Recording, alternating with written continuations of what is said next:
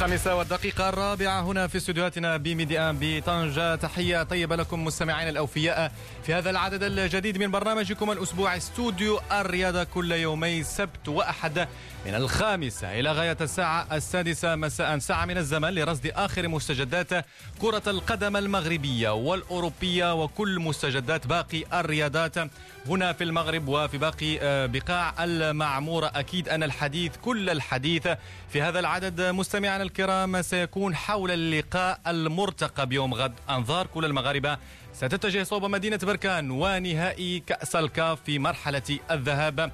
بين نهضة بركان والزمالك المصري ومواضيع أخرى أكيد ستكون مطروحة رفقة زميلي علي صلاح الدين علي بونسوار Bonsoir Wadi et bonsoir à tous. C'est toujours un plaisir de vous retrouver pour un nouveau numéro de Studio Sport, une édition durant laquelle nous serons ensemble jusqu'à 18h pour retracer l'essentiel de l'actualité. Oui, une actualité marquée par la finale de la Coupe de la Confédération africaine entre la Renaissance sportive de Berkane et l'équipe du Zamalek. Le match est prévu demain à Berkane. Berkane où se trouve l'envoyé spécial de Mehdi 1, Youssef Chatel, que nous allons euh, joindre durant cette heure euh, de Studio Sport pour euh, prendre la température du côté de Berkane. Nous allons écouter également la réaction de Mounir Jawani et de Mohamed El Aziz en prélude de cette finale aller contre la formation du Zamalek mais il n'y aura pas que cela durant cette émission de Studio Sport Wadia. Nous allons également parler de football au Maroc, la Botola Pro Maroc Télécom et le Wydad de Casablanca qui ne profite toujours pas de l'avance de points qu'il a pour remporter le titre de champion du Maroc. بالفعل علي والكل تابع مباراة يوم أمس بين الوداد البيضاوي واتحاد طنجة في ملعب الأبجيجو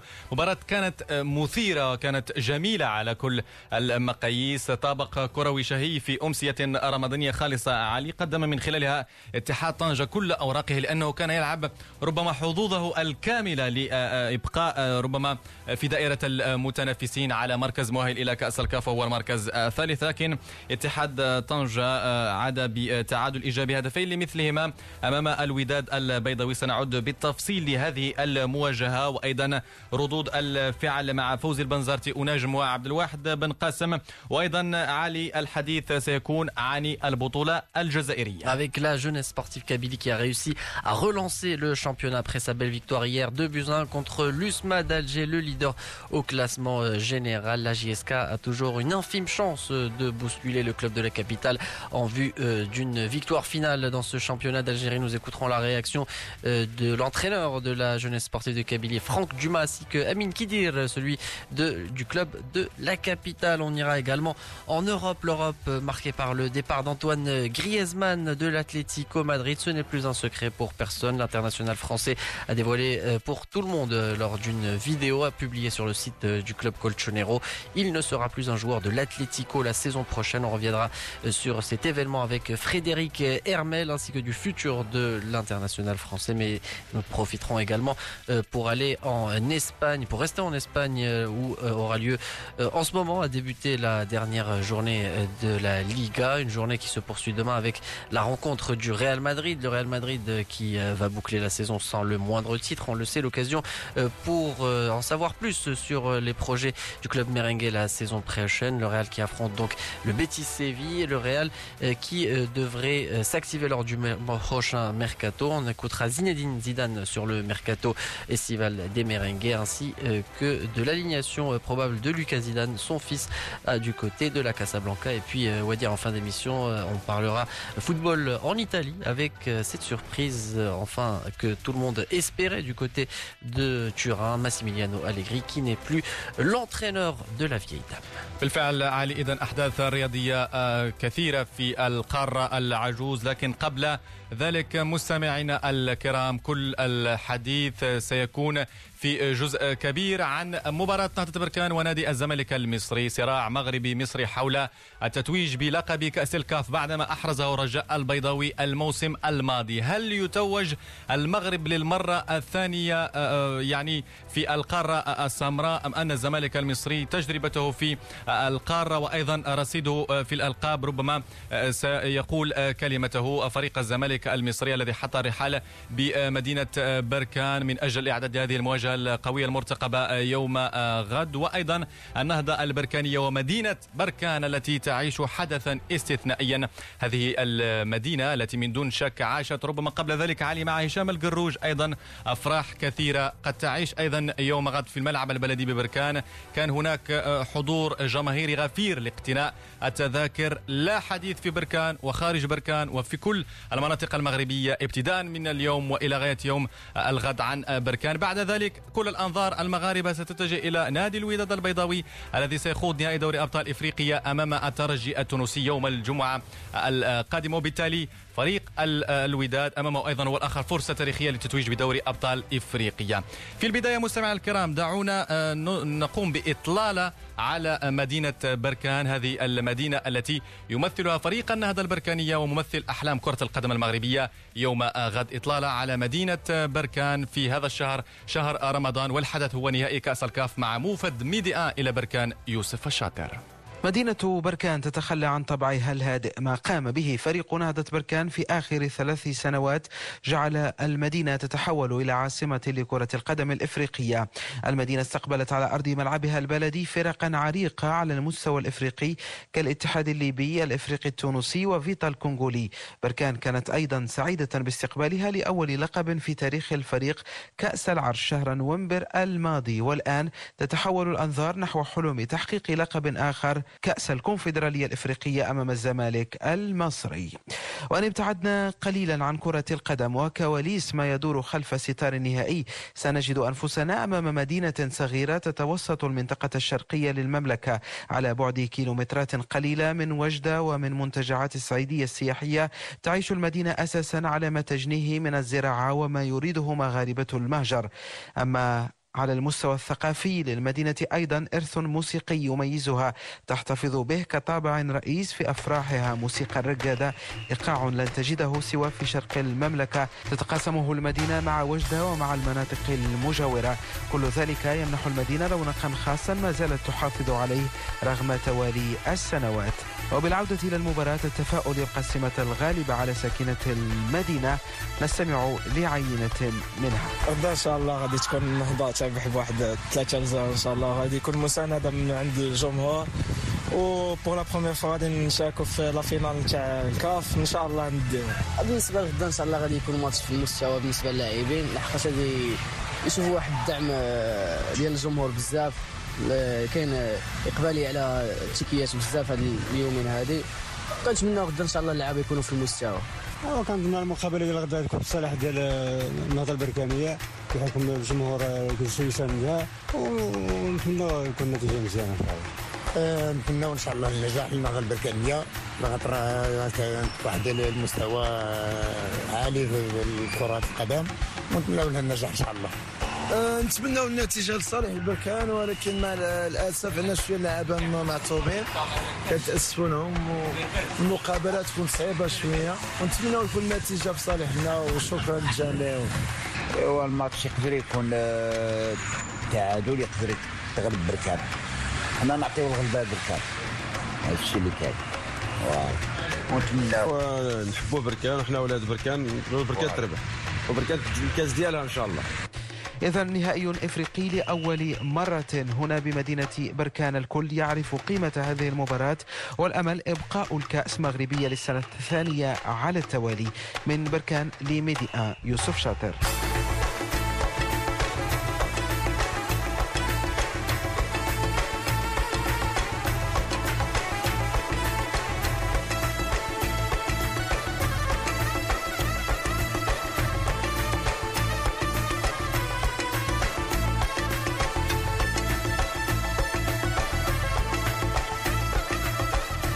على ايقاع أنغام الرقاده اذا النهضة البركانية يبحث يوم غد عن مجد تاريخي الذي يصل للمرة الأولى في تاريخه إلى نهائي كأس الكونفدرالية الإفريقية الذي سيلاقي نادي الزمالك المصري. مباراة ستكون من دون شك صعبة على اعتبار أن النهائيات في الغالب تحسمها جزئيات وجزئيات بسيطة لتسليط الضوء عن هذه المواجهة وهذا المشهد الختامي وكل ما يحيط به من استعدادات والأجواء في مدينة بركان. وفي معسكر أيضا النهضه البركانيه معنا عبر الهاتف موفد ميديا إلى مدينه بركان يوسف الشاطر. يوسف مساء الخير. مساء الخير وديع مساء الخير علي مساء الخير لكل المستمعين الكرام من مدينة بركان حيث انتهت قبل دقائق الفترة المسموحة للصحافة بالوجود مع أو حضور تدريبات فريق نهضة بركان الذي التي ستنطلق بعد لحظات من الآن الحصة التدريبية الأخيرة قبل خوض نهائي ذهاب كأس الكونفدرالية الإفريقية لكرة القدم.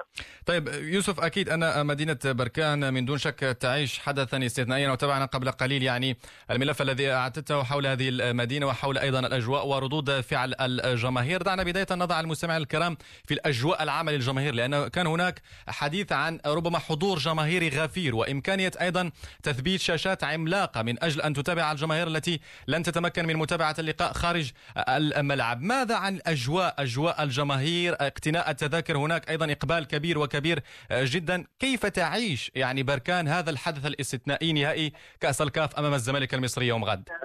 طبعا وديع العملة الصعبة هي تذكرة المباراة في اليوم الأخير قبل انطلاق المباراة النهائية. الكل يبحث عن التذاكر الأخيرة. كان آخر دفعة من التذاكر بيعت اليوم انطلاقا من الساعة آه، الثالثة هناك آه، تقريبا سنكون أمام ملعب بشبابيك مغلقة آه، غدا في أمسية رمضانية. جميع التذاكر بيعت هناك تعبئة بمدينة بركان من أجل مساندة الفريق لتحقيق نتيجة جيدة في مباراة الذهاب قبل خوض الإياب بعد أسبوع بمدينة الإسكندرية بمصر.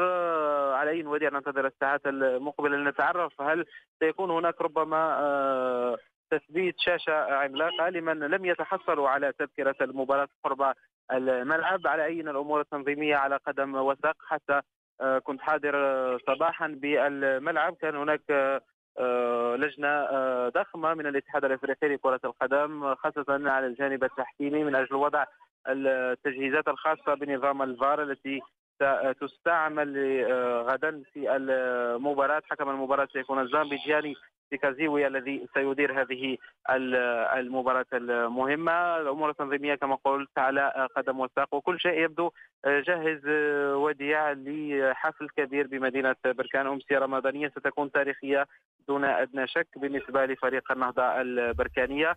وديع سنعود لاحقا بطبيعة نعم. الحال للحديث عن المؤتمر الصحفي. ما دار فيه ما قال الجعواني ومحمد عزيز وأيضا باقي نجوم الفريق قبل آه، انطلاق هذه المباراة. وأقول أيضا أن المؤتمر الصحفي الخاص بفريق الزمالك المصري سيجرى اليوم انطلاقا من الساعة التاسعة آه، والنصف. والميران الأخير للزمالك على أرضية الملعب في ساعة المباراة الساعة العاشرة. هناك بعد الجزئية الخاصة بوصول الفريق المصري إلى مدينة بركان. كان هناك استقبال حافل وحتى مسؤولو أو مسؤولي فريق الزمالك المصري غيروا كثيرا من النبرة التي تحدثوا بها قبل المجيء إلى المغرب. وجدوا حفاوة الاستقبال، الاستقبال كان ضخم واستحسنوا ذلك حتى على المستوى الجماهيري. هناك آه، مبادرات كبيرة من جماهير نهضة بركان لفتح البيوت لجماهير المصرية التي ستلج للملعب بجواز السفر. فقط ودون أداء ثمن التذكره وجهه. صحيح وهذا ما اكده عبد المجيد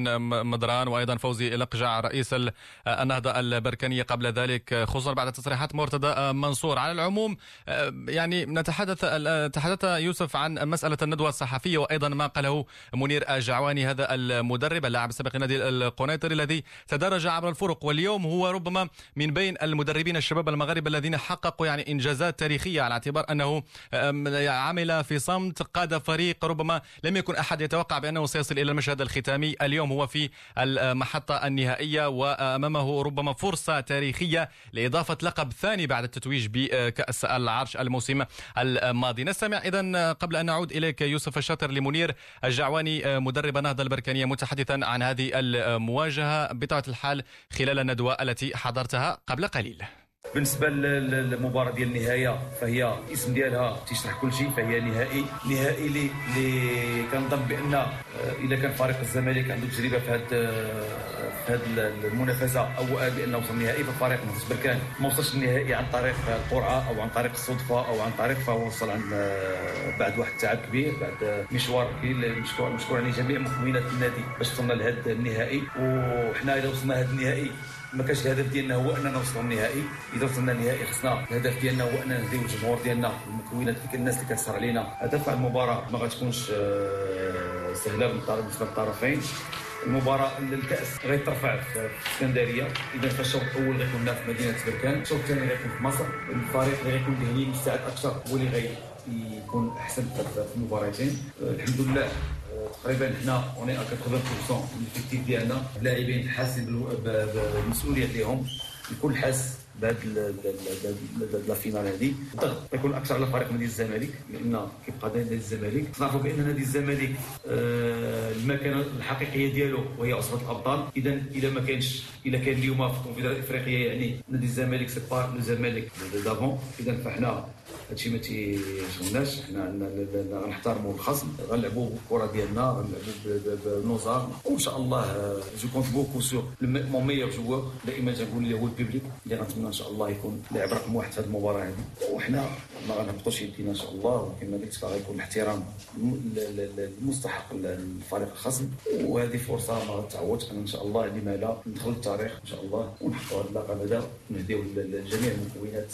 نص بركان اللي وفرت لنا جميع الطرق إننا نكون احسن ما يرام كان اذا منير جعواني مدرب النهضة البركانية متحدثا اذا عن هذه المباراة الهامة أمام الزمالك المصري. عودة مرة أخرى إلى مفد ميديا إلى بركان يوسف الشاطر. يوسف الكل يتحدث اذا عن الاستعدادات.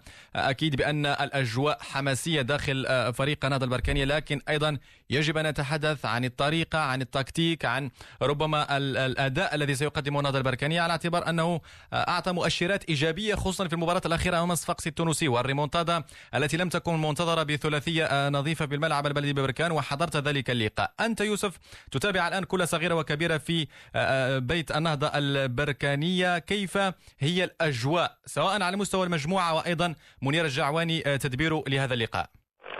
أجواء وديعه أجواء التفاؤل بصفة عامة لدى الجمهور لدى اللاعبين لدى منير الجعواني الذي مر من الامتحان الأصعب هو مباراة نادي الصقصي التونسي في نصف النهائي. بالنسبة اليه اليوم البلوغ المباراة النهائية هو إنجاز في حد ذاته حتى وإن لم يفوز بطبيعة الحال نهضه بركان وإن كان رغبة مدير الجعواني التتويج بهذه الكأس القارية. هناك معطيات كثيرة على المستوى التقني سيتغير معها نهضة بركان وسيتلون مع نهضة بركان على حسبها. أولا عودة محمد عزيز وهذا ما أكد في المؤتمر الصحفي وسيعود ليلعب كأساسي استمرار غياب بعض اللاعبين بسبب الإصابة كعبد الصمد الباركي وأيضا ألان تراوري حتى وإن تدرب بشكل طبيعي قبل قليل كان مع المجموعة لكنهما لن يشاركا غدا. بالنسبة للعربي الناجي هو موقوف بسبب تراكم البطاقات وهي ضربة قوية جدا. بالنسبة لوسط لخط وسط فريق نهضة بركان الذي يعول كثيرا على المجهود البدني الوافر الذي يقدمه العربي الناجي الذي كنت أتحدث معه حتى قبل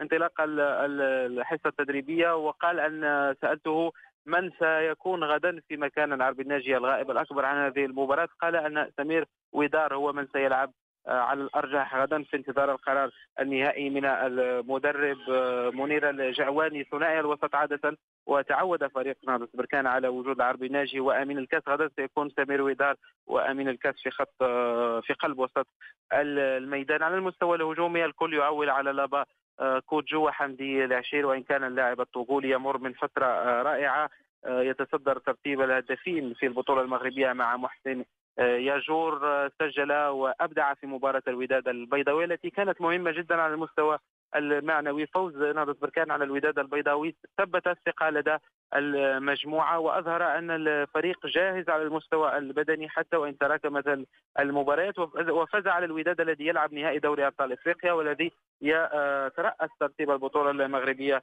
الاحترافية. يبدو لي وديع على المستوى التقني. فريق نهضة بركان جاهز في أتم الاستعدادات. هناك مؤرقات كغياب العربي الناجي لكن ذلك لا يمنع من ربما حشد الهمم من أجل تحقيق نتيجة جيدة في مباراة الذهاب قبل نهائي الإياب. على مستوى الزمالك المصري حتى هو يمر من فترة صعبة جدا. نتذكر كان يتصدر ترتيب البطولة المصرية بفارق كبير وعاد ومنح فرصة للأهلي وأيضا لفريق بيراميدز للعودة من جديد لينافسوه على لقب هذا الموسم. عاش مشاكل كثيرة على المستوى الانضباطي ونعرف رئيس الفريق مرتضى منصور ومشاكله مع نجم الفريق محمود كهرباء الذي أوقف وعاد وأوقف وعاد مرة أخرى والذي يبقى نجم هذا الفريق. إلى جانب خالد بوطيب اللاعب الدولي المغربي الذي قد لا يشارك غدا بصفة أساسية. هناك أيضا حميد أحداد اللاعب الذي نعرفه جيدا بمروره بفريق الدفاع الحسني الجديدي ولو أن مشاركته آه، حتى هو يعني بشكل ستكون آه، محل شك كبير لأن كريستيان جروس هذا المدرب الخبير لا يثق كثيرا في حميد أحداد ولو أنه لعب في المباريات الأخيرة آه، بعد الدقائق. على المستوى الدفاعي فريق الزمالك المصري يمتلك لاعبين طوال القامة قويين حتى على دوليين مع منتخب مصر. لذلك نقطة الضعف التي يبدو لي أنها ستكون في فريق الزمالك غدا وديع هي نقطة حراسة المرمى غياب آه، الحارس الأول صحيح. جنش الذي آه، عوقب في مباراة النجم الساحلي بعد آه، طرده. هناك أيضا الحارس الثاني الذي هو عمر السيد إذا لم اخطئ في الاسم أصيب في مباراة الداخلية التي لعبها فريق الزمالك مؤخرا في الدوري المصري. وسيلعب عمر صلاح وهذا حارس الحارس الثالث لفريق الزمالك والذي سيلعب لأول مرة مباراة من هذا الحجم. و آه، ربما أركز على جزئية أن نهضة بركان قوتها في الكرات العالية في الركنيات في الكرات الثابتة. وحارس يلعب لأول مرة في أجواء إفريقية في أجواء آه، نهائي كأس الكونفدرالية. سيجد صعوبات كبيرة أمام لافاكوجو أمام آه، عمر النمساوي وباقي نجوم نهضة بركان. نتمنى أن هذه النقطة تلعب لصالح فريق نهضة بركان ويستفيد منها منير الجعواني على أرض الملعب. بالفعل يوسف أكيد بأن المباراة لن تكون سهلة خاصة على المستوى التكتيكي لأن فريق الزمالك المصري تبعناه خلال المباراة الأخيرة خصوصا في الدور النصف أمام النجم الساحلي التونسي عرف كيف يدافع عن افضليته ذهابا ويدافع بشكل جيد جدا. يوسف لم يتبقى لك ربما إلا برتقال المدينة البرتقالية في فطور. فطور شهي يوسف لك ولكل البركانيين في أمسية اليوم يوسف. شكرا لك وديع. شكرا علي ولكل المستمعين الكرام. نتمنى أن نكون فاء الخير على فريقنا. ضد بركان كما كما كان الحال في نصف النهائي آه، وتأهل هذا الفريق. شكرا وديع نعم. وتحية للجميع من بركان شكرا لك يوسف وسنعود إليك بطبيعة الحال في مواعيدنا الإخبارية القادمة وأيضا في برنامج استوديو الرياضة يوم غد. مستمعي الكرام سنعود مرة أخرى لمواصلة ردود فعل لاعبي النهضة البركانية قبل النهائي المرتقب. تكرموا بالبقاء معنا.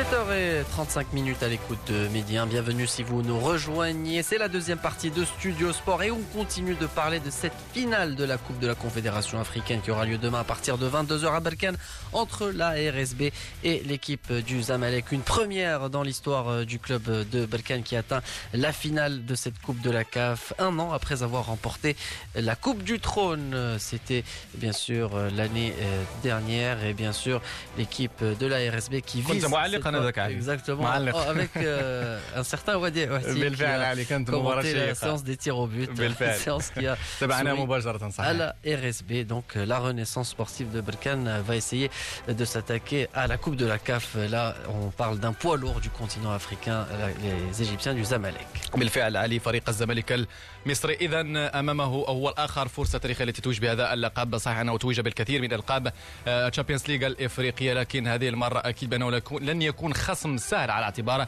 أن المباراة النهائية في الغالب تحسمها جزئيات بسيطة. وكما آه، تحدث لنا موفد ميديا يوسف الشاطر في الجزء الأول عن مجموعة من النقاط المرتبطة بالزمالك المصري وأيضا بنهضة بركان. وأكد بأن الفريق المصري لن يكون سهل المراس نواصل إذا ردود الفعل قبل المواجهة النارية بين الزمالك ونهضة بركان. هذه المرة مع القائد محمد عزيز الذي يعود بعد غياب طويل بداعي الإصابة. نستمع إليه متحدثا الميكروفون يوسف الشاطر كما كتعرفوا آه، دائما النهائي كيكون عنده طقوس آه، كتكون عنده طقوس خاصة به. آه، دونك حنا المجهودات إن شاء الله اللي دارت والعمل اللي مازال كينتظرنا لازم أننا نتوجوا بهذا اللقب هذا ونهديوه للساكنة مدينة بركان والمغرب بصفة عامة لأن العمل اللي دار منذ الإقصاء ديالنا في السنة الماضية كان علينا باش أننا نرجعوا لهذا المسار هذا نتوجوا بكأس العرش ونعاودوا نفتحوا باب جديد في الافريقيا l'Afrique وكما لاحظتوا آه، عمل كبير آه، كيقوموا به جميع المسؤولين وجميع كذلك الناس اللي كتسهر على هذا الفريق هذا. باش وصلنا لهذه المرحلة هذه ما يمكنناش ننزلوا يدينا. donc كنتمنى أننا نتوجوا بهذا اللقب هذا إن شاء الله ونهديو الفرحة لمدينة بركان إن شاء الله. ومدينة بركان تنتظر مباراة قوية خاصة خاصة أن مباراة الذهاب هي مهمة ومهمة جدا وتسجيل أكبر عدد من الأهداف هو الأهم. نذكر بأن فريق الزمالك المصري سبق له أن أجرى مباراتين هذا الموسم أمام اتحاد طنجة وأقصاه من أعتقد من الدور الثاني. وبعد ذلك حسنية أكادير نتذكر أنه تعادل معه في ملعب أدرار بأكادير وتفوق, عليه في في مصر. وبالتالي فريق الزمالك المصري ربما هي نقطة سوداء للأندية المغربية. حتى النهضة البركانية واجه الموسم الماضي المصري البورسعيدي في دور المجموعات. آه، آه، كان هناك تعادل هنا في بركان وبعد ذلك خسارة في مصر. وبالتالي على العموم النهضة البركانية والآخر له تجربة وخير دليل على ذلك تفوقه على النادي الصفاقسي بثلاثية نظيفة في مباراة العودة. أيضا حتى في تونس قدم مباراة جيدة. على العموم سنتابع بالتفصيل مرة أخرى باقي المعطيات يوم غد في استوديو الرياضة من الخامس الخامسة إلى السادسة. على اعتبار أن المباراة ستجرى في العاشرة مساء في أمسية رمضانية ستشتد إليها أنظار كل المغاربة. مع اعتبار أن مباراة الإياب ستجرى في ملعب برج العرب يوم الأحد القادم السادس والعشرين من الشهر الجاري. ونذكر بأن أيضا الوداد أمامه مهمة صعبة ونهائي أيضا هو الآخر قوي أمام الترجي الرياضي التونسي لحساب ذهاب نهائي دوري أبطال إفريقيا. بهذا مستمعي الكرام نغلق صفحة المنافسات القارية واللحظة علي نفتح صفحة البطولة الاحترافية اتصالات المغرب ومباراة الوداد واتحاد طنجة. Et le Wydad de Casablanca qui n'a pas encore euh, consolidé sa première place au classement général pour s'offrir une victoire finale dans cette Botola Pro Maroc Télécom puisqu'hier le WAC a été accroché par le champion du Maroc l'Ittihad de Tanger à l'occasion de cette 29e journée de Botola Pro Maroc Télécom la rencontre s'est conclue sur le score de deux buts partout et l'équipe du WAC a dû batailler pour arracher le nul à la 96e minute de jeu après un but signé Komara au classement général le Wydad de Casablanca est donc leader avec 55 points. Derrière le Raja suit à 3 points avec 52 points. Le Raja qui compte désormais le même nombre de points et avec le même nombre de matchs joués puisque l'équipe du Raja n'a pas encore disputé cette 29e journée de Botola Pro Maroc Télécom. Et puis, bien sûr, on, va parler de ces matchs qui ont été décalés après euh, ce, choc entre le WAC et l'IRT. بالفعل علي كان هناك جدل كبير وتحدثنا يوم أمس في مساء الرياضه عن هذا المسألة. الجامعة الملكية المغربية إذا لكرة القدم تدخلت لتعديل مجموعة من الأمور المرتبطة بالبرمجة وتم إقرار الجولة التاسعة والعشرين والثلاثين في شهر يونيو مع لعب مباراتين فقط في الجولة 29 لماذا؟ لأن كانت مبرمجة والأندية كانت في البيضاء. اتحاد طنجة كان في البيضاء وأيضا فريق حسنيه اكادير الذي نجده في الجديدة وكان من الصعب تأجيل مباراتين. بالتالي تم الإبقاء على مباراة الوداد واتحاد طنجة لحساب الأسبوع التاسع والعشرين. الدفاع الحسين الجديدي سيستقبل مساء اليوم حسنية أكادير ومباراة أولمبيك خريبكا أمام الوداد المباراة المؤجلة لحساب الجولة السابعة والعشرين. ستجرى في الرابع من يونيو القادم. إذا هذه التعديلات التي تمت باستشارة مع الناخب المغربي إرفي غوناغ للحديث إذا عن مباراة الوداد واتحاد طنجة مباراة إذا نذكر بالأهداف التي سجلت خلال هذه المواجهة. أيوب القعداوي افتتح حصة التسجيل وبعد ذلك آه، سجل ميشيل بابا توندي وعاد المهدي النغمي للتقدم قبل أن يمنح الشيخ إبراهيم كومارا هدف التعادل للوداد ثلاث نقاط تفصل الفريق الأحمر عن التتويج باللقب. نستمع لردة فعل مدربه التونسي فوزي البنزرتي. Lorsque tu perds une balle bêtement, tu encaisses cash. Avec l'autre jeu, on avance avec le maximum de joueurs, on essaie de... Euh, tu perds une balle, tu payes cash. C'était un corner, mais la, défense n'était pas là-bas. On a pris des risques, mais on a perdu cette balle, on a payé cash. Malheureusement, c'est vrai, on a commis des bêtises. Ce qui est extraordinaire. Nous sommes au Sundown. Sundown, c'est un عمرها في حتى طول الماتش اللي لعبتهم في بلاد سجلت اهداف ما قبلناش اهداف on était bien organisé كل ما malheureusement شوف تلخبط الأمور الكل. logiquement ما نمشيوش لبركان logiquement نلعبوا مع خريبكة هذيك ال calendrier شبكول خاطر من سان داونز وبعد نلعبوا مع ال FAR معناتها grande équipe وبعدها نمشي 700 كيلومتر. معناتها c'est un peu trop صافي معناتها عندنا أكثر من شهر ونص ما لعبناش شنو؟ معناتها logiquement معناتها نلعبوا معناتها ماتش شنو؟ نتنفسوا شوية ناخذوا un peu de وبعدها نلعبوا. selon ال calendrier مانيش طالب نزيه من حتى حد. malheureusement تقلبت الوضعات فهمت معناتها خلونا في وضعية معناتها صعب علينا المأمورية tout simplement فهمتني؟ معناتها y a d'autres facteurs معناتها.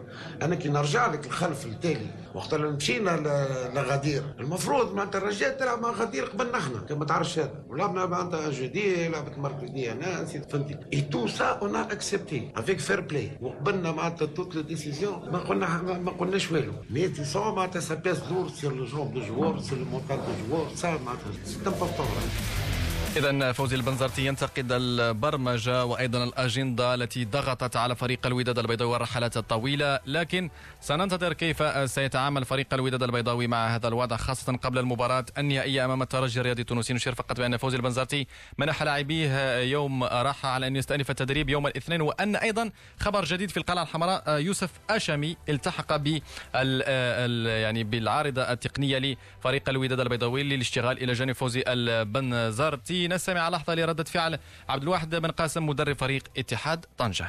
كانت واحد المقابلة في المستوى. بهذه المناسبة كنهني الفريق ديالنا اتحاد طنجه اللي قام بواحد المقابلة في المستوى واحد الروح قتالية. هذا ما كيعنيش بأن نقصنا من الفريق الوداد البيضاوي اللي كما كتعرفوا كتعلموا كاملين بأن حتى حنا باقيين عندنا امل باش نلعبوا على البوديوم.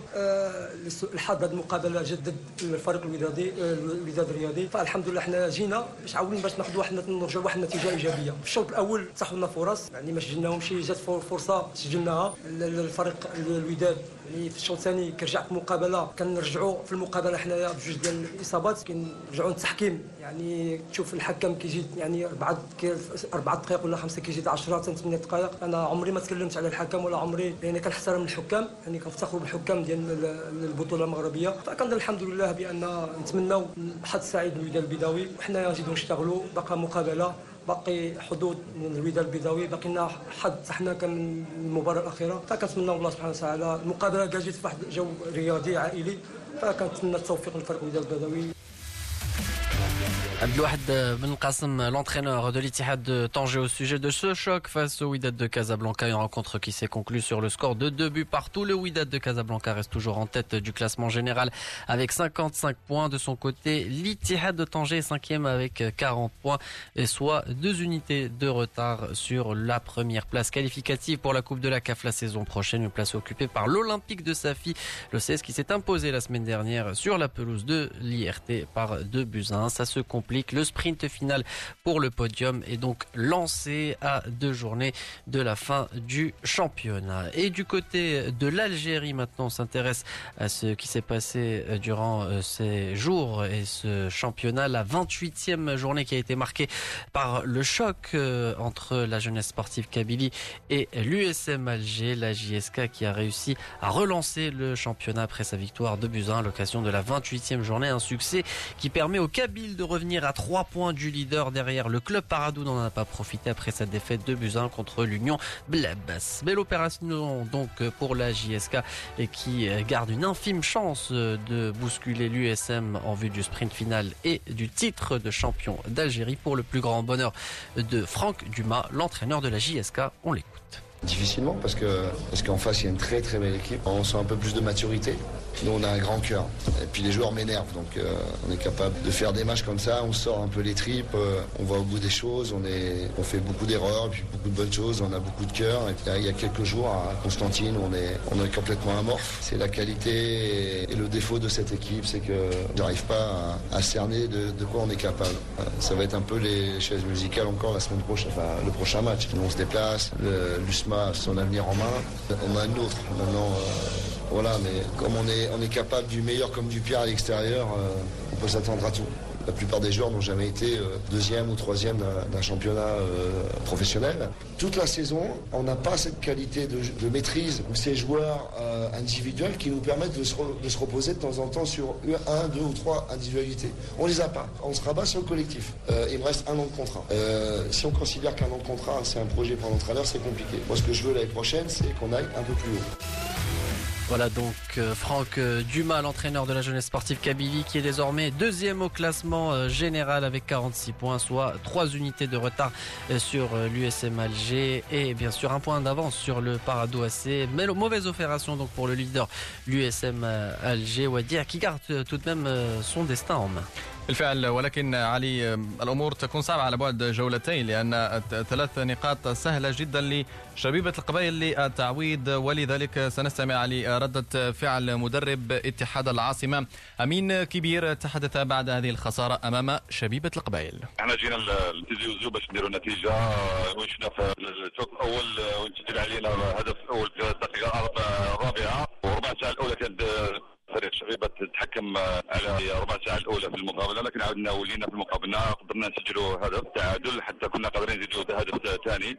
الشوط الثاني نظن أيضا كنا دخلنا إحنا المقابلة وان إحنا سيطرنا على ربع ساعة حتى 20 دقيقة الأولى. لكن فريق شبيبه هو اللي سجل. كنا حابين باش ندير نتيجة على الأقل على الأقل نديروا يعني نديروا نقطة لكن هكذا. اللي كيشوفوا الترتيب الآن نشوف حتى باراديو يعني أيضا تعثرت في في ملعبها. يعني نقول البطولة هذه شبه مجنونة يعني تعاود كل يوم والبطولة تكون يعني إن شاء الله إحنا كنا نعاودوا نديها إن شاء الله في المقابلات القادمة إن شاء الله مع الفريق وهران. إحنا المقابلة تاعنا تكون في هذا في هذا الإطار هذا باش الحظوظ تاعنا قائمة. إحنا فينا يعني مقابلة لما نربح مقابلة تاعنا في في بولوغين يعني فينا المقابلة هذه باش ندير البطولة.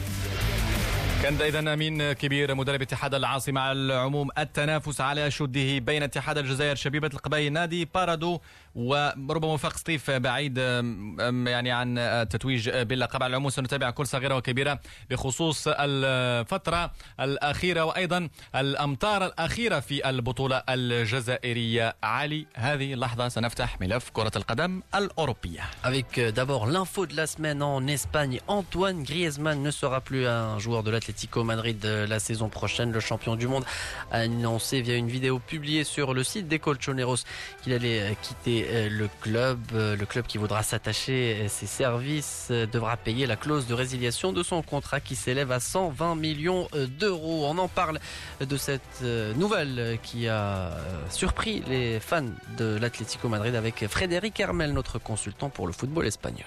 C'est vrai que le, départ de Griezmann qui a été annoncé est quelque chose qui n'est pas une énorme surprise. Parce qu'on savait que Griezmann avait certains doutes. Après, moi j'aime beaucoup Antoine il a encore fait n'importe quoi dans sa communication. On a appris qu'il avait de nouveau euh, prévu de faire un, documentaire La Décision, vous savez comme l'an dernier, la décision pour annoncer, et que le là l'Atlético a mis Léola en disant tu as été ridicule l'an dernier, tu vas pas refaire la même chose cette année. Donc il n'apprend rien, Antoine. Quant à son avenir, le Barça semble le, le la destinée, la destination la plus la plus évidente, mais Attention PSG, il y a eu la semaine dernière une rencontre entre l'avocat d'Antoine Griezmann et euh, Artero Henrique, le, directeur sportif du, club parisien, euh, qui a priori, a priori n'a pas débouché sur quelque chose de concret. Mais avec Antoine, on ne sait jamais. Il change tellement d'avis facilement, il est tellement indécis que tant qu'il ne sera n'aura pas signé un contrat avec un nouveau club, eh ben on ne pourra pas dire il va là ou il va là. Vous enlevez Griezmann, vous enlevez Godin, vous enlevez Juan Fran, vous enlevez Luc Hernandez et vous enlevez peut-être Rodri. Donc ça fait six joueurs qui s'en vont. Il y en a cinq qui, sont qui sont partis, enfin qui, sont partis ou qui partent, et il y en a un qui un qui, qui doute, c'est Rodri, euh, qui est sollicité euh, par euh, par Guardiola et par Manchester City. Euh, L'Atlético va rebâtir une équipe, mais une équipe plutôt batailleuse. C'est-à-dire moins de stars, plus de joueurs qui vont essayer d'entrer dans le moule de Simeone. On reprend, on recommence à zéro avec l'Atletico. C'est le sentiment qu'on a ici à, Madrid et Simeone l'a laissé comprendre. On est euh, dans une nouvelle étape et euh, il faut des joueurs ultra motivés. Donc quand on lit entre les lignes, ultra motivés, ça veut dire des joueurs qui vont faire exactement ce que je vais leur dire. Voilà donc euh, l'Atlético Madrid euh, qui devrait euh, changer de visage la saison prochaine avec plusieurs départs, notamment la star française Antoine Griezmann qui est annoncé un peu partout. On parle du FC Barcelone en pole position, mais le Paris Saint-Germain reste toujours en embuscade. Et de l'Espagne, on file vers l'Italie pour le dernier dossier de cette émission Studio Sport avec cette information également qu'on attendait du côté du Turin. Massimiliano Allegri quitte la Juventus euh, bien sûr, alors qu'il avait annoncé son désir de poursuivre euh, l'aventure avec la vieille dame. Le technicien italien rend finalement le tablier. Pour nous parler euh, de cette décision du technicien italien, Simone Rovera, notre consultant pour le football italien. C'était attendu, c'était d'un certain côté espéré par la plupart des supporters de la Juve, mais aujourd'hui c'est aussi officiel parce que Massimiliano Allegri, ce n'est plus l'entraîneur de la Juve. Massimiliano Allegri va payer une campagne européenne décevante, mais aussi l'envie de révolutionner la Juventus, une envie partagée, on peut dire, par la Juve qui voulait tout changer Allegri aurait voulu changer moitié de l'équipe, plusieurs joueurs et avoir la main libre sur le mercato. Les dirigeants de la Juve considéraient que ces mercato de la dernière saison avec l'arrivée de Cristiano Ronaldo, oui, bien sûr, Monsieur Emercan et Cancelo étaient quand même de très bonne qualité. Il y avait aussi le retour de Bonucci. Et donc, ils préfèrent changer d'entraîneur et peut-être aussi de mentalité, des visions de jeu. Il faut arrêter avec un jeu pragmatique, chercher un jeu plus spectaculaire. Voilà pourquoi les premières normes sur la liste de André Agnelli, c'est Joseph Guardiola, Pep Guardiola, mais c'est impossible. Mais il y a l'autre piste qui mène à Pochettino, quand même deux grands protagonistes de cette football européenne qui pourraient être tentés de l'aventure avec la vieille dame on va voir. C'est sûr seulement qu'aujourd'hui, Allegri va quitter la Juve. La Juve va se séparer d'Allegri. Et l'avenir, ça va être écrit après cinq ans de succès en Italie et de bonnes prestations en Europe. On ne faut pas oublier les deux finales de Ligue des Champions. Mais l'avenir va être écrit avec un autre entraîneur. Et les supporters de la Juve ont hâte de découvrir qui va écrire cette nouvelle page de la Juve, de l'histoire de la Juve, où l'espoir, c'est de voir finalement une Ligue des Champions à Turin après 20 ans et plus d'absence. Et c'est avec Simone Rovera que s'achève cette émission de Studio Sport. Merci de l'avoir suivi. Rendez-vous demain à 17h pour un nouveau numéro de Studio Sport. Excellente soirée à l'écoute de Midi.